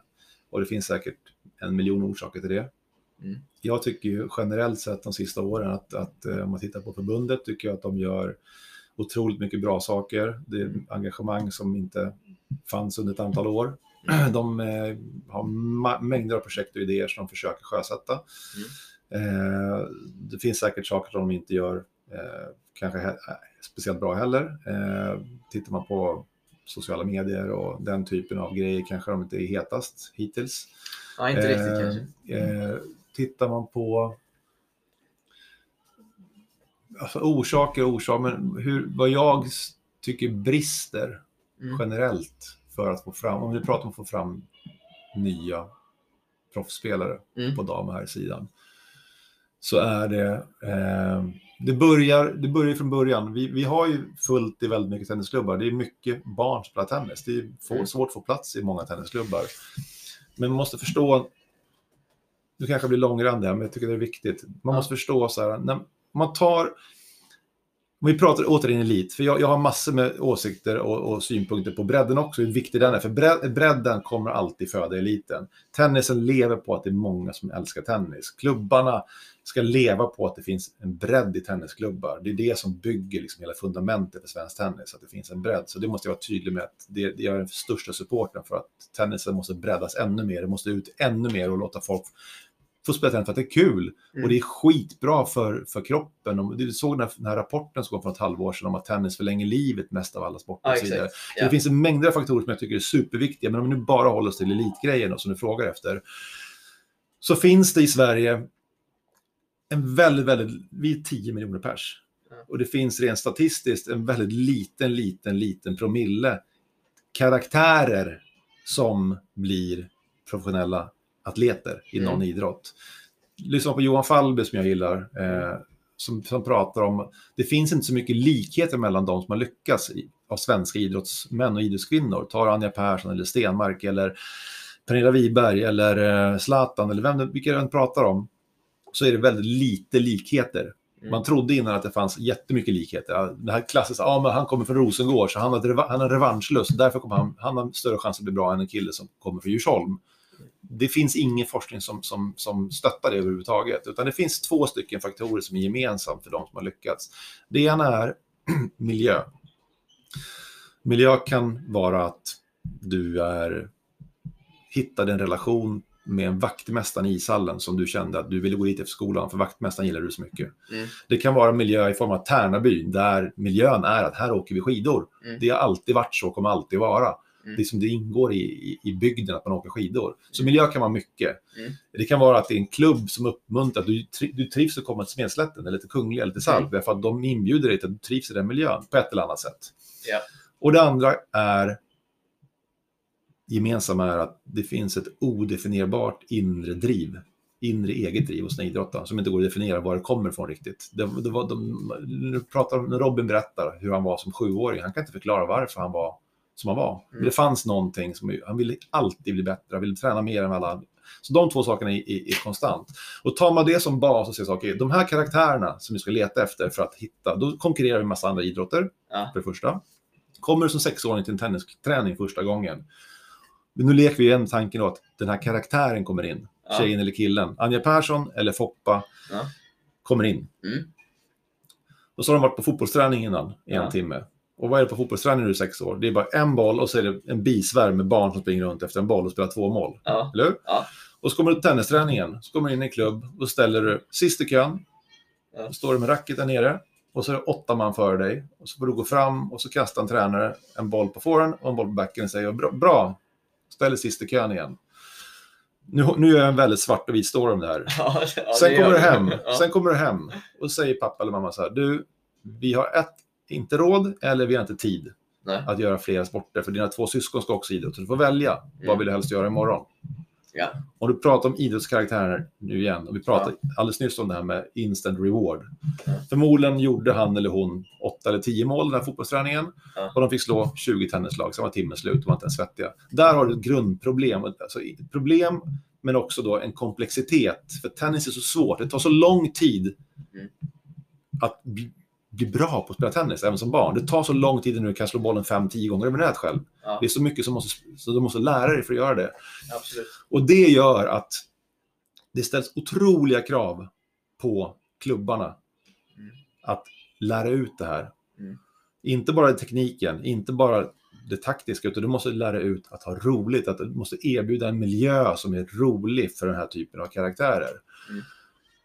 Och missar du den, vilket jag tycker att nästan alla gör, då, är, då, då tappar du, då, får- då får du liksom, ja, då får du farsan eller morsan som spelar tennis, som tvingar in ungarna i tennisen, eller som, som kanske spelar extra med dem så de snabbare tycker att det är kul med tennis. Mm. Mm. Det är ett grundproblem som är en nöt som vi måste hitta en lösning på. Åtminstone på pappret hur man löser det här. Och Det ställs krav på, och det, det, är inget, det, det är inte så jättesvårt i teorin att sätta upp en timme i teorin, hur en timme med 8-10 barn kan se ut. Mm. Där det enda kravet är att alla ska vara i rörelse i 60 minuter. Mm. Det går utan några stora komplexiteter. Men är det det du är ute efter eller? Ja. Mm. Därför det behöver inte vara att den här idrottskaraktären måste slå en fårenkross i krysset eller vinna en match. Mm. Men de måste få... Säger, om det är åtta ungar på en bana så Mm. kan alla åtta i 60 minuter vara i rörelse. Två kan spela tennis. En kan stå och dutta med bollen. Ja. Två kan göra kullerbyttor. En kan gå balansgång med en boll på racketen. Ja. Så att du hela tiden får utmana och få någon form av... De kommer bli lika glada om de går snabbast på, på, på en... På en eh, vet du, en, en, vet du, Eh, Bänk. Bänk, Ja. ja, exakt. Ja. eh, med, med racketen. Eller den som jonglerar flest gånger med racketen, med bollen. Så, och där, där krävs det, tycker jag, ifrån förbundshåll. Ja. Eh, jag vet att det finns den här färdriktningen som är ute nu. Jag vet att det finns en handbok. Fin- det finns jättemycket information och jobb som är gjort vad man bör göra. Mm. Men en idé som jag har funderat på ganska mycket. Mm. Därför att det är någonstans regionen bestämmer ju på ett sätt. Och sen är det ner till klubbarna. Det är klubb, klubben själv gör ju vad de vill. Det är en klubb. De har ju vilken, hur bra eller dålig tränare man vill. Hur många tränare de vill på banan hur Ja. få de vill beroende på hur ekonomin ser ut och viljan och så vidare. Men man kan göra så här. Man går till fem stycken klubbar och säger så här. Hej, vi kommer ha som en som, som restauranger har, en Guide Michelin. Du får en stjärna i Guide Michelin om du har en restaurang på en viss nivå. Ja. Förbundet ska, ska kunna ha samma system här. Ja. Vi börjar med fem klubbar som är beredda att göra det här som jag precis sa, ty, fast då i fler dimensioner. Mm. Ja, Men det, det, barnen från början har exakt en metodik som är rätt för att få dem att Mm. tillfredsställas och utveckla sin tennis. Sen när de blir lite äldre, 8, 7, 9, 10, med teknik och alltihopa, finns en basteknik som ser likadant ut överallt. Mm. Tittar du fransmän, du ser att de kommer från Frankrike. ja, det är faktiskt... Eh, och det jag menar då det är att fem klubbar, för idag kan, kan förbundet trycka ut sig, det här bör ni göra. Ja. Men det är ingen som måste göra det. Man behöver inte göra det nu heller, men om man säger så här, ni som är med och skriver under på det här, ni har då en stjärna i motsvarande Guide Michelin, säger vi. Mm. De ska acceptera att kontrollanter, precis som att matkontrollanter går in och provsmakar maten på en restaurang, Mm. och är inte det serverat på rätt sätt, om inte det smakar som det ska, då blir de av med stjärnan. Ja. Och det ska inte vara någon, det ska inte vara någon, någon, brotherhood, att någon kliar någon på ryggen. Det är stenhårt att det här är kraven. Ja. Vill inte vara med, det är helt fine. Man behöver inte. De klubbarna som inte vill göra det här, de behöver inte vara med. Men barn, föräldrar, de som sätter sina ungdomar i en viss klubb ska veta att den här klubben har den här statusen och jag kan förvänta mig att det här ska utföras och klubben är okej med att någon kommer, kanske en gång i månaden, och göra stickkontroller på att det här följs upp. Och görs inte det, då är man inte med under ett års tid. Men det, har du uppfattat att eh, många klubbar brister i träningen med de yngre barnen då? Eller? Alltså utifrån det jag sa nu, att Ja. barn ska vara i rörelse i 60 minuter, så jag har knappt sett så många som fingrar på, på en hand där jag ser 6-7-åringar har 60 minuters rörelse på en tennisbana. Okej. 90% av allt jag har sett i hela mitt liv har varit kötennis för barn. För Det, det, är, är, det är oroväckande i så fall. det är svårt och jag, jag vet att jättemånga försöker. Jag menar, där jag är mest på Kungliga, alltså det René gör på Kungliga är helt fantastiskt. Ja, har Han- han rörelse på sina? Ja, mycket. Mm. Jättemycket rörelse. Och han har station, han har speglar, de har boll mot väggen, de har jättemycket sånt. Mm. Eh, men, men, men det är en av 462 eller vad det nu är, tennisklubbar. Ja, ja. Eh, och titta på de som har kommit fram.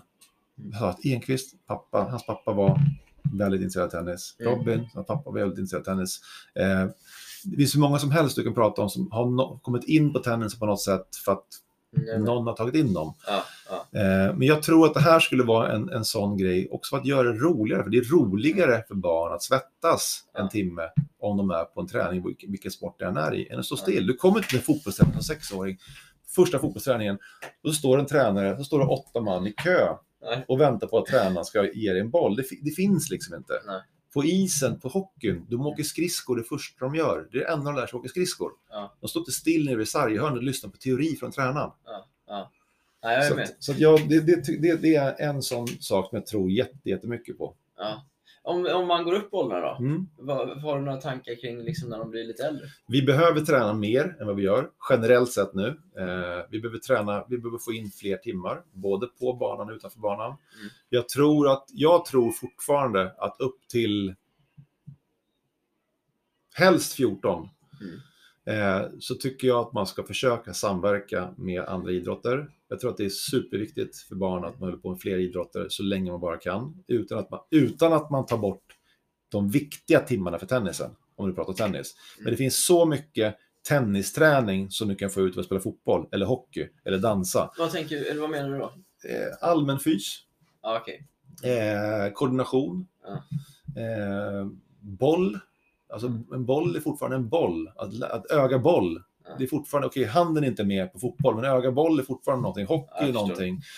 Eh, så, men men det, det får inte vara så att du spelar tennis två timmar i veckan Nej, och inget mer, utan du måste fortfarande få in några timmar som är viktiga. Men, men en, en, en barn som är 9, 10, 11 år kan inte absorbera så mycket mer information på en vecka än x antal timmar tennis. Nej, men, blir, det blir nästan kontraproduktivt när du spelar 25 timmar tennis när du är 10 år gammal. Du blir Ja. jätteduktig resultatmässigt tidigt för att du har tränat mer än andra. Ja. Men du, ett, kan förstöra kroppen, två, kan förstöra knoppen, tror jag. ja, Eh, så att jag, jag, tror att, jag tror att det är jättebra att hålla på med friidrotter så länge man kan, men du måste fortfarande få in timmarna. Eh, och sen måste det ställas mycket, mycket högre krav på de som är bra. Nästa sista biten i det här tycker jag, som jag skulle önska, det här är också såklart en finansiell fråga, men jag skulle önska att redan när de bästa är 14, Ja. senast 15, helst vid 14 års ålder någonstans där. Då pratar inte jag bara ettan och tvåan i varje åldersklass. Men jag skulle önska att det fanns pengar så att man skulle kunna ta 10-15 stycken i varje åldersklass, killar och tjejer, som var med i ett program Mm. som då kanske då naturligt skulle vara ett förbundsprogram. Mm. Där det ställs enorma krav Mm.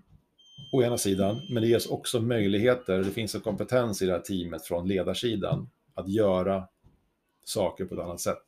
Därför att konkurrensen, vi kan tycka att det var bättre förr igen, men konkurrensen i tennisen idag är för tuff för att liksom dansa sig fram till man är 17 och då ska du börja köra fys. Det funkar inte längre. Nej, det, det är tufft.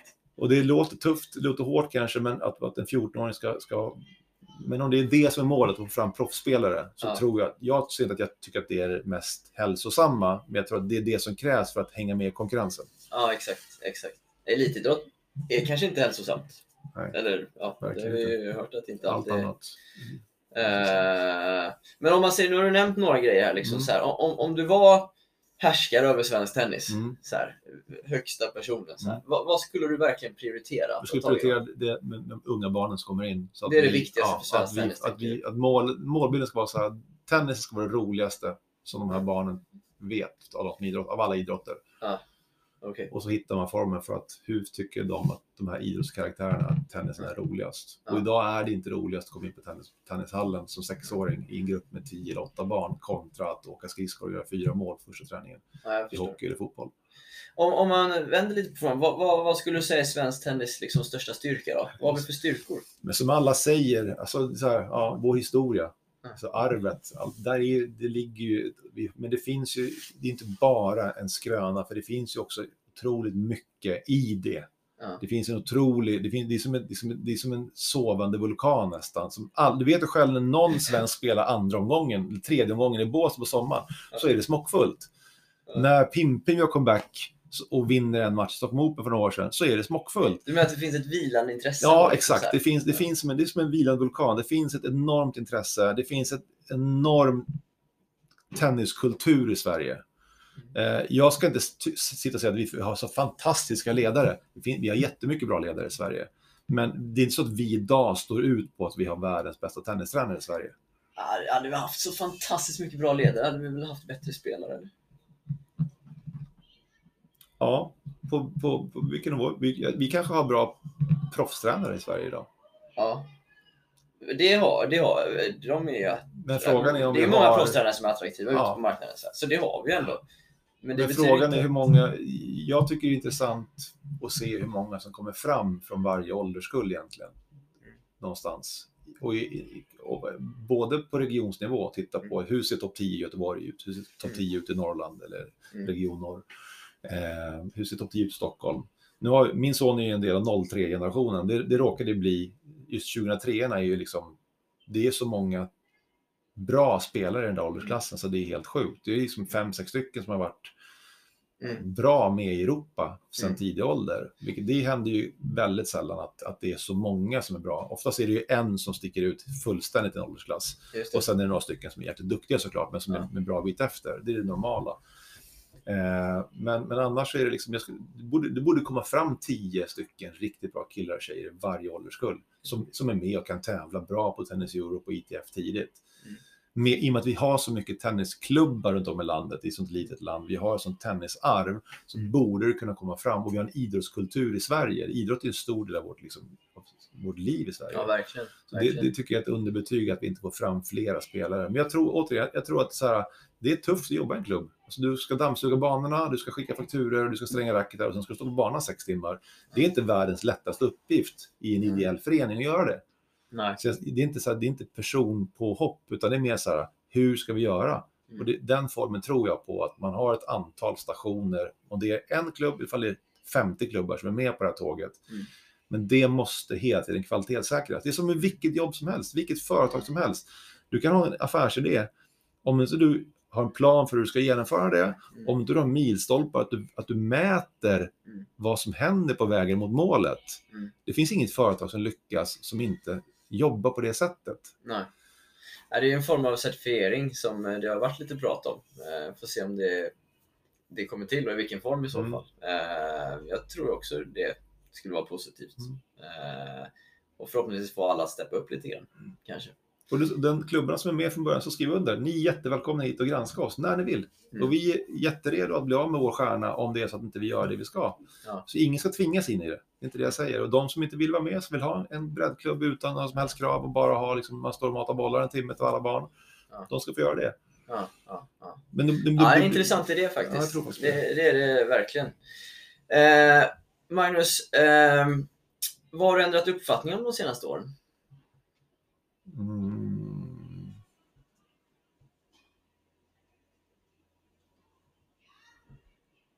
Tänker du på tennis eller tänker du på Ja, ja, ja, det kan egentligen vara lite vad som helst. Här. ändrat uppfattning om de senaste åren? Det var inte världens fråga. Jag tycker att man lär sig saker varje dag. Ja, det är så. Ja. Kanske inte ändra uppfattning, man lär sig saker och... och... Mm. Nej, jag tror, att, nej, jag tror inte att jag ändrat uppfattning om så säga jättemycket. Nej. Jag tycker fortfarande lika illa om Djurgården. Du- Vi får, se- får se om du ändrar uppfattning där någon dag. Ja, det är bra. Eh, sista frågan här, det behöver inte heller vara tennis nödvändigtvis, men vill du rekommendera någonting?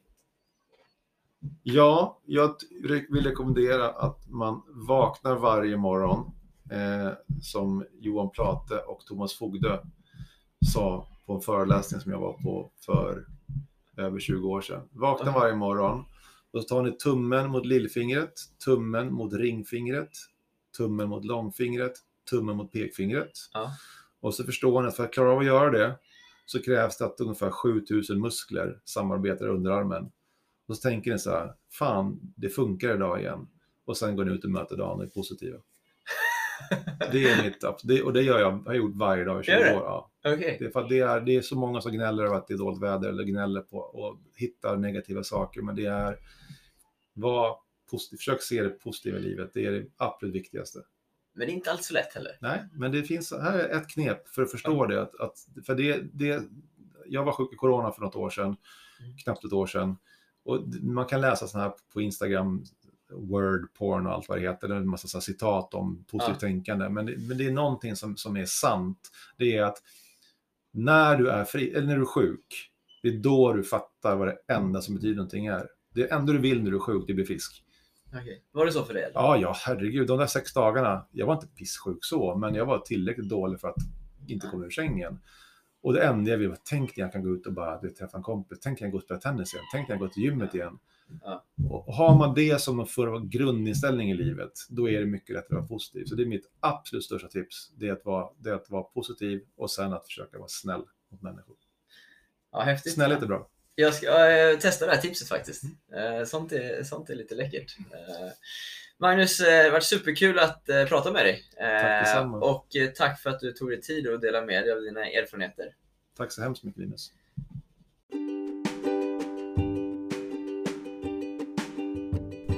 Grymt intressant att höra Magnus berätta om resan som RS har gjort. Såklart Robins namn betytt och betyder extremt mycket. Men jag som inte är det minsta insatt i hur liksom affärer fungerar tyckte det var fascinerande att höra Magnus berätta om hur deras strategier varit under resans gång och hur man tänker inför framtiden. Vad det gäller certifieringen finns det givetvis många olika sätt att göra det här på. Det intressanta tycker jag är att typ samtliga jag haft i den här podcastserien har tyckt att det behövs på ett eller annat sätt.